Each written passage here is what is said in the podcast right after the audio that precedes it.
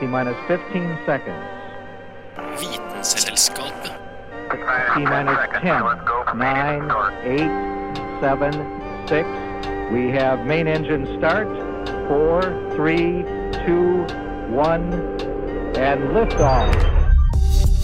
Vitenselskapet. Vitenselskapet på Radio Nova.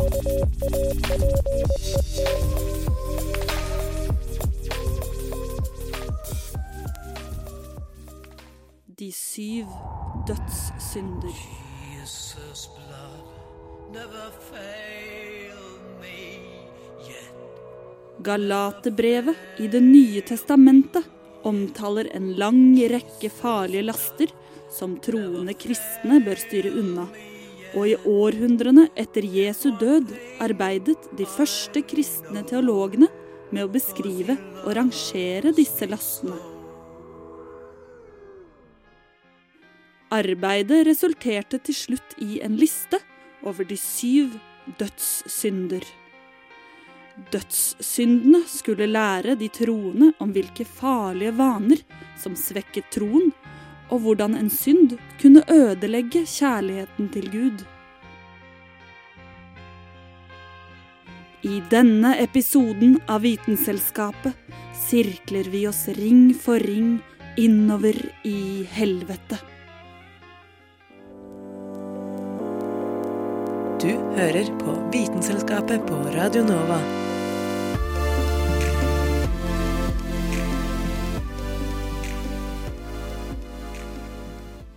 Sex og begjær har en sjokkerende framtredende rolle i menneskers samfunn, men så vidt vi vet, er det ganske få dyrearter som i likhet med oss har sex for sexens skyld, og ikke for å få barn.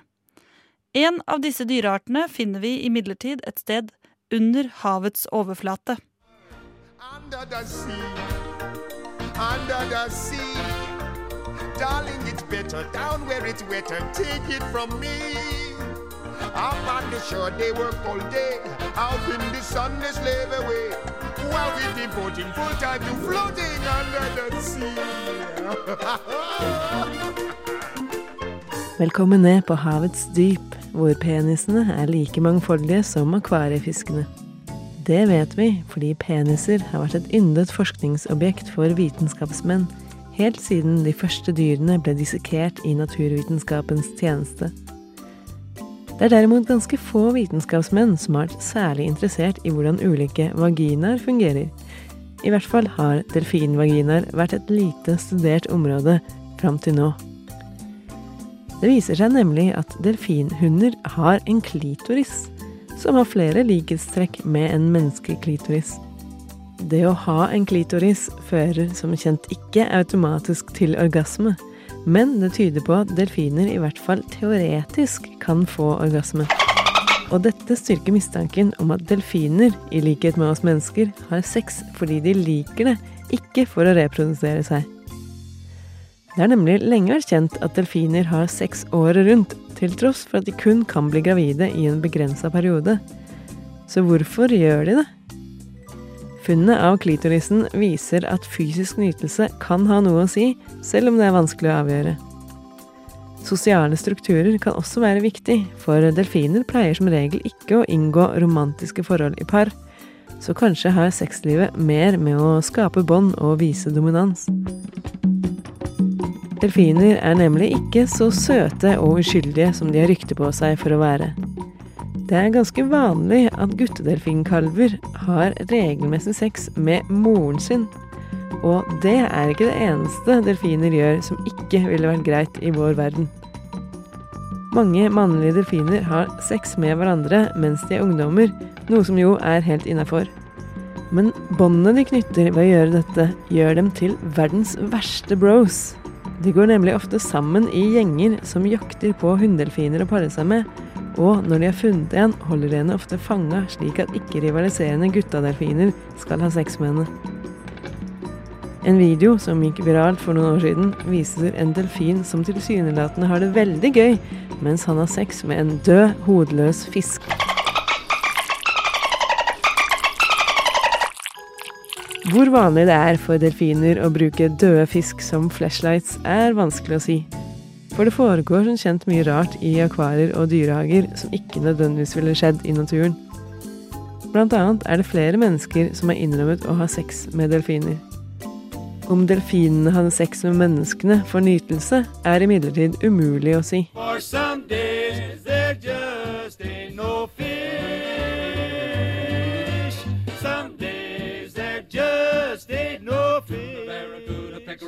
pickerel, until you're sickerel. Holy mackerel.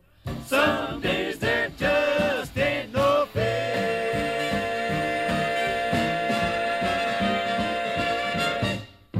Og for de som måtte lure, delfiner har sex mage til mage, og visstnok er det over på ca. ti sekunder. Hun som hadde laget innslaget om synden begjær, heter Kristin Grydeland. Vitenselskapet Vitenselskap. Vitenselskapet? Vitenselskapet. Den neste dødssynden er vrede. Vrede er når galskapen tar over kroppen din. Rabis er et aktuelt tema for tiden, men heldigvis er det svært sjeldent man blir smittet via luftbårne bakterier. Du må nemlig bli bitt av et dyr for å bli smittet. Ofte forbinder vi rabies med hunder eller hundegalskap. Men hva er egentlig denne sykdommen? Rabies, også kalt hundegalskap, er først og fremst en sykdom som smittes mellom varmblodige dyr. Men mennesker kan også bli smittet. Og rabies det er en virussykdom som forårsaker hjernebetennelse. Rabiesvirus befinner seg i spyttet til dyr som er syke eller smittet av viruset. Og et sykt dyr kan spre smitte helt frem til det dør.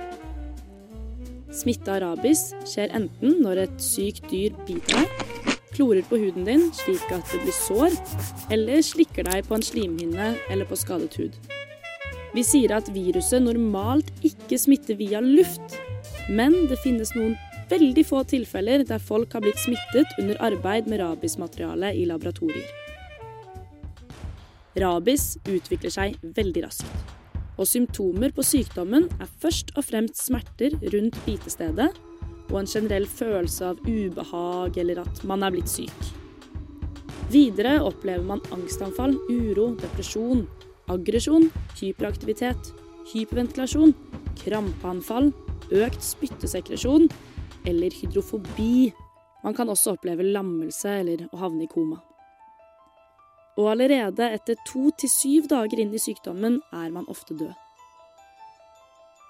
Heldigvis finnes det en vaksine mot rabies som fungerer veldig bra. Denne er ikke nødvendig for de fleste nordmenn, men laboratoriepersonell og personer som er i kontakt med flaggermus eller ville pattedyr, anbefales å ta vaksinen også i Norge.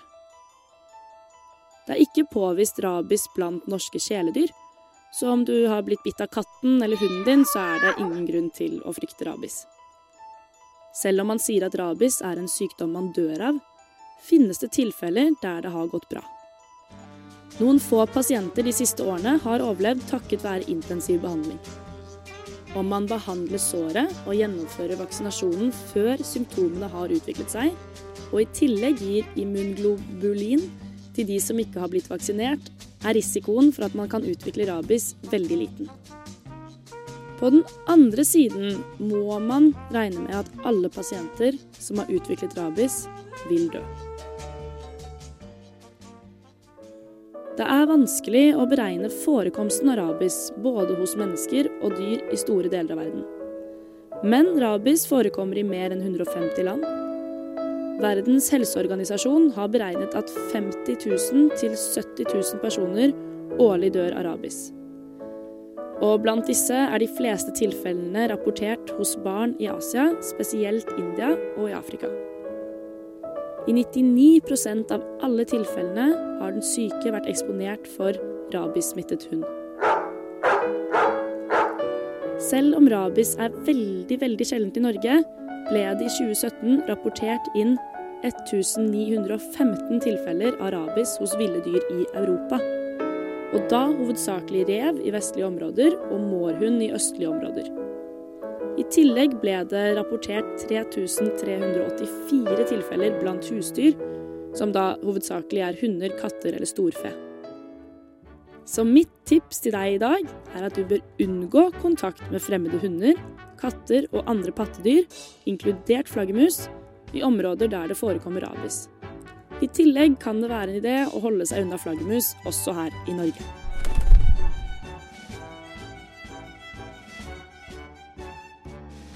Og dette innslaget ble laget av Aurora Thommessen. Oslo 2 1, Oslo 2. Dette er Vitenselskapet. Radio November, Oskar, Viktor, Alfa. Den stolteste og kanskje mest arrogante fuglen i verden har også fått lov til å være Indias nasjonalfugl, samt kjæledyret til en rekke hindu-krigsguder. I dag får påfuglen også lov til å være Vitenselskapets symbol på den neste dødssynden hovmod. I disse dager er det ikke bare russen som prøver å skaffe seg et ligg. Det vil nemlig også vår kamerat Pelle Påfugl. Men før vi går nærmere inn på det, la oss snakke litt mer om disse majestetiske skapningene og deres halevifter.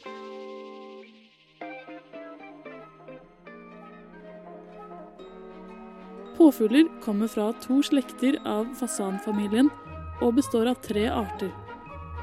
Siden vakre dyr krever vakre navn, har de tre forskjellige artene påfugl fått navnene indiapåfugl, smaragdpåfugl og kongopåfugl.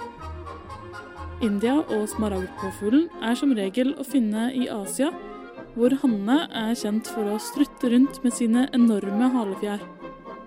Disse fjærene er så store at de kan måle opptil 2,5 meter lang.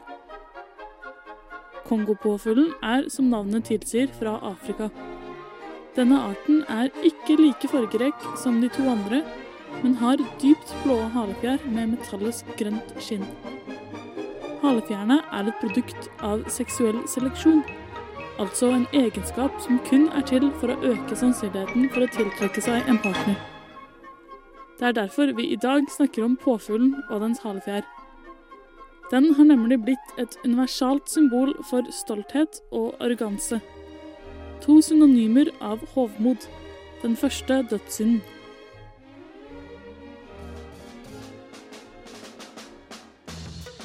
Om du nå ser for deg Pelle Påfugl som den typiske blåskinnende fuglen med en enorm hale utsmykket med prikker som etterligner øyne, ja, da er det nok den indiske påfuglen du ser for deg. Dette er nemlig den mest vanlige arten man finner i dyreparker rundt om i verden. Mens Pelle bruker sine fine farger på å forføre hundene, bruker de derimot sine gråbrune farger til å kamuflere seg selv og eggene sine fra rovdyr. Selv om de store, lange halefjærene gjør Pelle til et lett bytte for rovdyr, kan de også lett byttes ut. De faller lett av og vokser ut igjen om noen skulle prøve å ta tak i dem. Men som sagt brukes de store viftelignende halene deres først og fremst som et hjelpemiddel når de skal forføre en fremtidig partner. Så hvordan fungerer halen egentlig? De tiltrekker seg først og fremst oppmerksomhet fra hundene. Utover det velger hundene selv hvem de vil pare seg med, basert på størrelsen på vifta og antall prikker den har. Som regel velger hundene de med større, mer prikkete hale. Ofte velger de også å være lojale til denne hannen resten av livet. På den annen side går det an å ha for mye av en god ting. For det viser seg at påfølgene med aller størst og mest prikkete hale ikke er så suksessfulle blant det motsatte kjønn. Forskning har ikke funnet et eksakt antall prikker eller en viss høyde på halen som egner seg best. Men det vi kan lære av påfuglen, er at de som kommer lengst, er ofte de middelmådige. I tillegg til å fungere som en sjekketeknikk, kan påfuglens hale også skremme bort mulige rovdyr.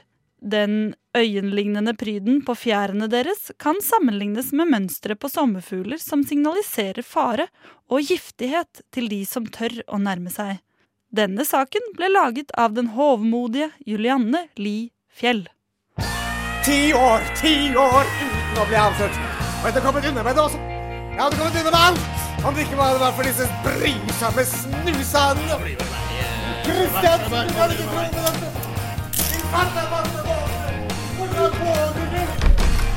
Vitenselskapet hever forskningen, senker svindlerne.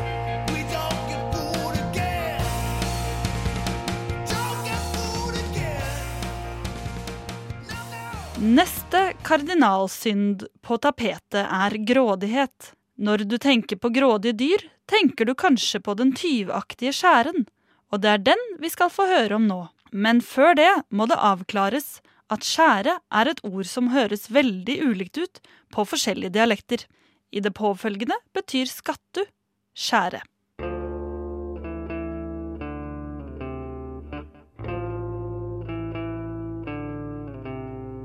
Skattu, en folkefiende. De digre, hvite og svarte fuglene i kråkefamilien er utrivelige å komme for nære innpå. I lang tid var fuglene assosiert med alskens faenskap, bokstavelig talt. Skattua var logga av fanden sjøl, og på Olsok for den hjem til djevelen som beholdt de feiteste av dem. Fulgte du med, kunne du se mange spåtegn. Var skattua først på juleneket, varsla det uår. Skreik hun notte varsla det brann. Bygde hun nytt reir, betydde det død. Den dag i dag blir skattua lagt for hatt av en annen grunn. Fuglen er en tjuv. Alt fuglen kommer over, tar han med tilbake til reiret. Ei stor samling greiner tulla sammen med ei lita åpning i midten. Særlig det som glitrer og skin, tar kleptomanfuglen så snart du ser bort. Så ille kan det bli at skattua får spalteplass i avisa. Ei engelsk dame sin 50 000 kroner dyre forlovelsesring forsvant sporløst en dag, og å leite var fånyttes. Tre år seinere ble ringen funnet i akkurat et skatturær, og nok et bevis mot tjuvradden var sikra.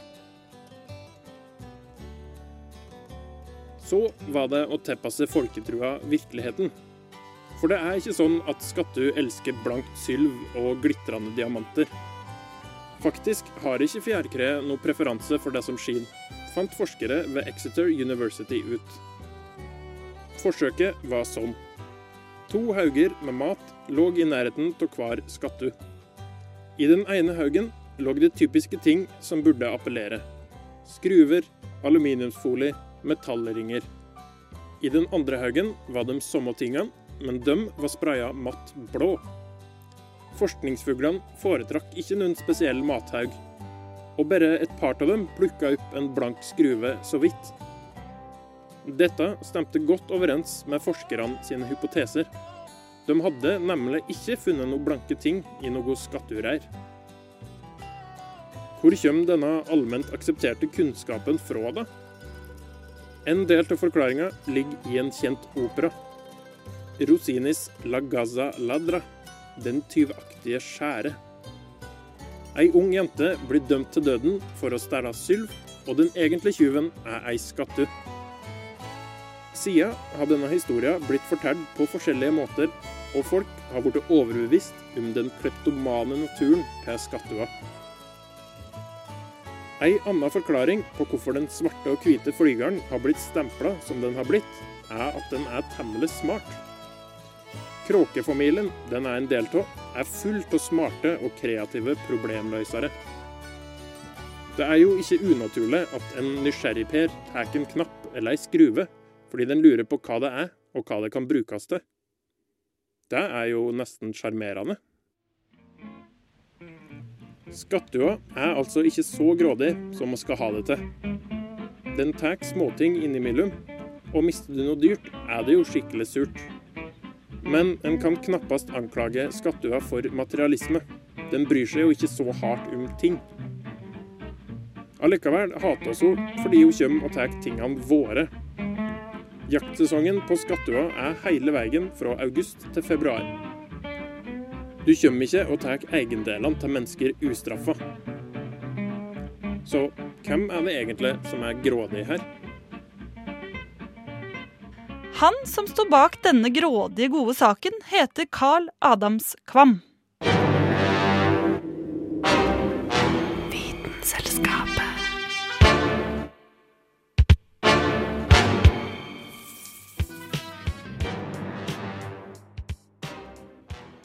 Vi synder oss videre og har nå kommet fram til latskap. Hva vil det si å være lat? Er man lat fordi man ikke gidder å trene? Fordi man liker å slappe av litt på sofaen? Hvis du er et dyr og er skapt sånn, er det da galt å ta det med ro?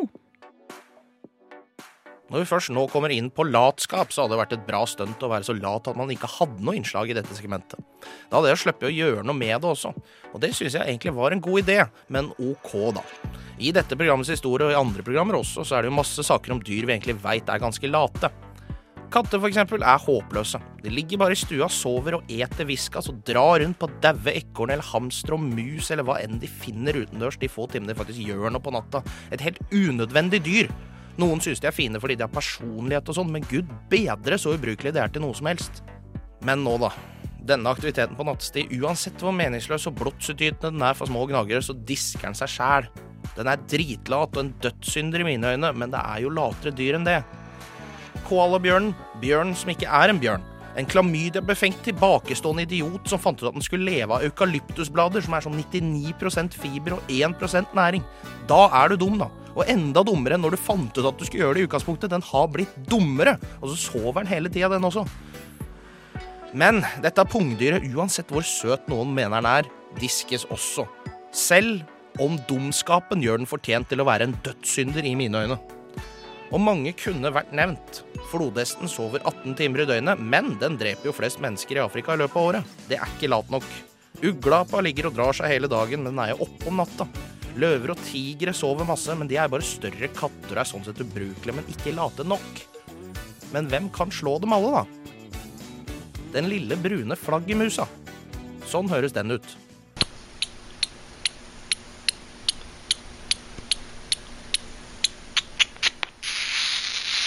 Og sånn høres den ut hvis du poker den med en pinne.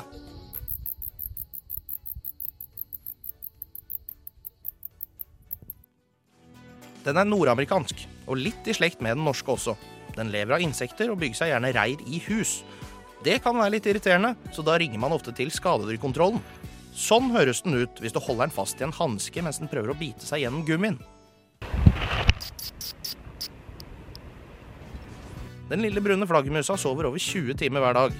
Det er ikke så unikt, men fordi den lever av insekter som er aktive på våren, går den også i dvale seks måneder i året. Det betyr at den er aktiv 730 timer i året. Sånn ca. fire uker og to dager.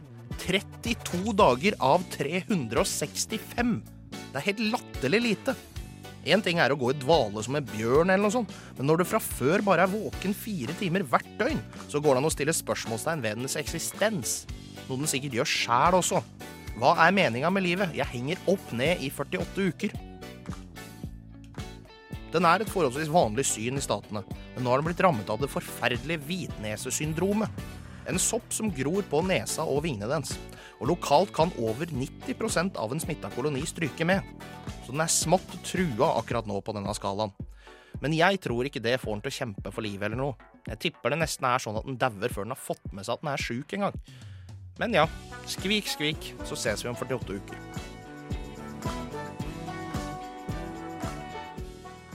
Dette innslaget ble latet av Dag Løvold Magnussen. Å vite vet Vitenselskapet.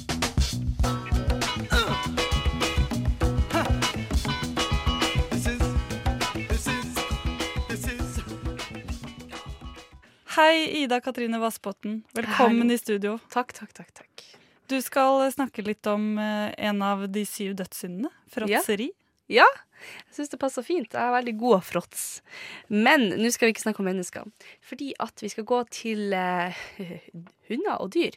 For har du en labrador som er veldig feit, eller som tigger etter mat, og generelt virker veldig umettelig, nå skal du fortvile ikke, for nå skal du få et svar, men ikke ei løsning. Fordi at det er kanskje ikke kjent for veldig mange at labradorer sliter med overvekt, men det gjør de altså. Og det, det, er, det er kanskje ikke noe du tenker på før du skal kjøpe en hund om den, om den sliter med overvekt, men det kan jo ha mye å si, for at eh, de her labradorene her, de, de sliter såpass med overvekt fordi at de mangler en del som forteller til dem at nå er du mett. Det var noen forskere på universitetet i Cambridge som eh, var litt nysgjerrig på det her. Så de tok eh, 15 overvektige og 18 slanke labradorer. Og da gikk de og sjekka genene på de da. Og da var det denne genen som heter POMC, eh, som, stakk, som skilte seg litt ut. Som viste seg da at eh, den var litt eh, fucka til. Altså den var litt ødelagt hos de her overvektige labradorene da. Det gjorde at de her labradorene ikke klarte å produsere nok nevropeptider, som da er eh, noe som du trenger for å, å svekke appetitten. Altså, de tjukke labradorene de kunne spise ei hel skål med mat og fortsatt være sultne etter mer, fordi at de følte seg ikke mett for da om kroppen egentlig var mett. Som da gjorde at Eller som da gjør, for det her er jo fortsatt et reelt problem, at de da blir overvektige. Det er interessant at du sier, fordi jeg har en venninne som faktisk har en labrador. Ja. Og hun har stusset mange ganger over, når hun er hos andre med hunder, at det er mat i skålen igjen. For det er det aldri hjemme hos henne Ikke med hennes labrador. Ikke sant? For de har også sjekka flere labradorer og sett på at det trenger ikke å være overvektige labradorer, for at de kan også ha eh, svekka en gen som da eh, tilsier at de, de er veldig glupsk, og de er kanskje da to kilo over eh, gjennomsnittsvekta, da. Så de er jo litt tjukkere, og de, de kjenner kanskje ikke den her metthetsfølelsen, men de trenger ikke nødvendigvis å bli overvektige. Så du kan ha en nor normal labrador, men som er veldig tiggete og maser veldig mye etter mat og tar alle restene den finner, og den da har kanskje denne svekka genet. Så det er glupskheten i seg sjøl. Spennende. Ja.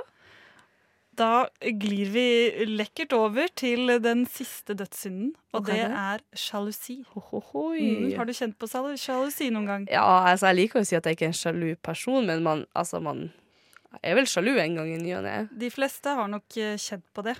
Og det er jo en helt eh, normal følelse vi har. Og eh, du lurer kanskje på hva som skjer i kroppen når vi føler sjalusi. Ja. Og det har lenge vært vanskelig å forske på, men nå har noen forskere gjort en studie. Og det disse forskerne gjorde, var å eh, få 19 studenter til å fortelle om deres mest suksessfulle rival. Og mens de gjorde det, så var de koblet til en skanner i hjernen som kunne registrere hvor det var mest aktivitet. Og det forskerne fant ut av, var at det området i hjernen som eh, var mest aktiv, det var også det samme området som oppdager ekte fysisk smerte. Og det kan jo være noe av forklaringen på hvorfor sjalusi for det første gjør så innmari vondt. Og det er jo da fordi den delen av hjernen som reagerer ved fysisk smerte, også er den samme som er assosiert med mental smerte. Ja, ikke sant? Så du får faktisk fysisk vondt av å være sjalu? Ja, helt riktig. Ja, det er, er smertefullt. Skjønner bokstavelig talt smertefullt. Det er det. Ikke bare sånn i psyken. Men det, jeg leste også om at eh, hunder Det er blitt forska på at hunder eh, føler også sjalusi. Så hvis du føler at hunden din da dytter litt borti deg, øh, vil ha oppmerksomheten din, så kan den da føle at den, at den er sjalu, og den prøver kanskje da å skille deg mellom den som prøver å ta plassen til hunden. da. Eller generelt, kanskje hvis du sitter på telefon, kanskje den føler seg sjalu av det, og at den dytter borti deg og 'hei, kos med meg'. Så mennesker og dyr, vi er ganske like, Vi er ganske like. Det er utrolig. Takk for at du kom i studio, Ida. Takk for at jeg fikk komme.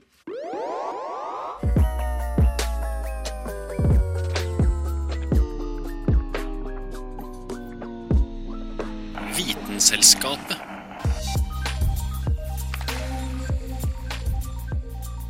Sjalusi er en av de syv dødssyndene og forekommer oftest når du er ulykkelig med din nåværende situasjon. Og en forskningsstudie påstår at høye menn har høyere nivå av sjalusi enn kortere menn. Dagens sending er ved veis ende, og så lenge du holder deg unna de syv dødssynder, så havner du ikke i helvete. Hvis du tror på sånt. Denne stemmen tilhører Birgit Ski, og jeg takker for følget. Selskapet.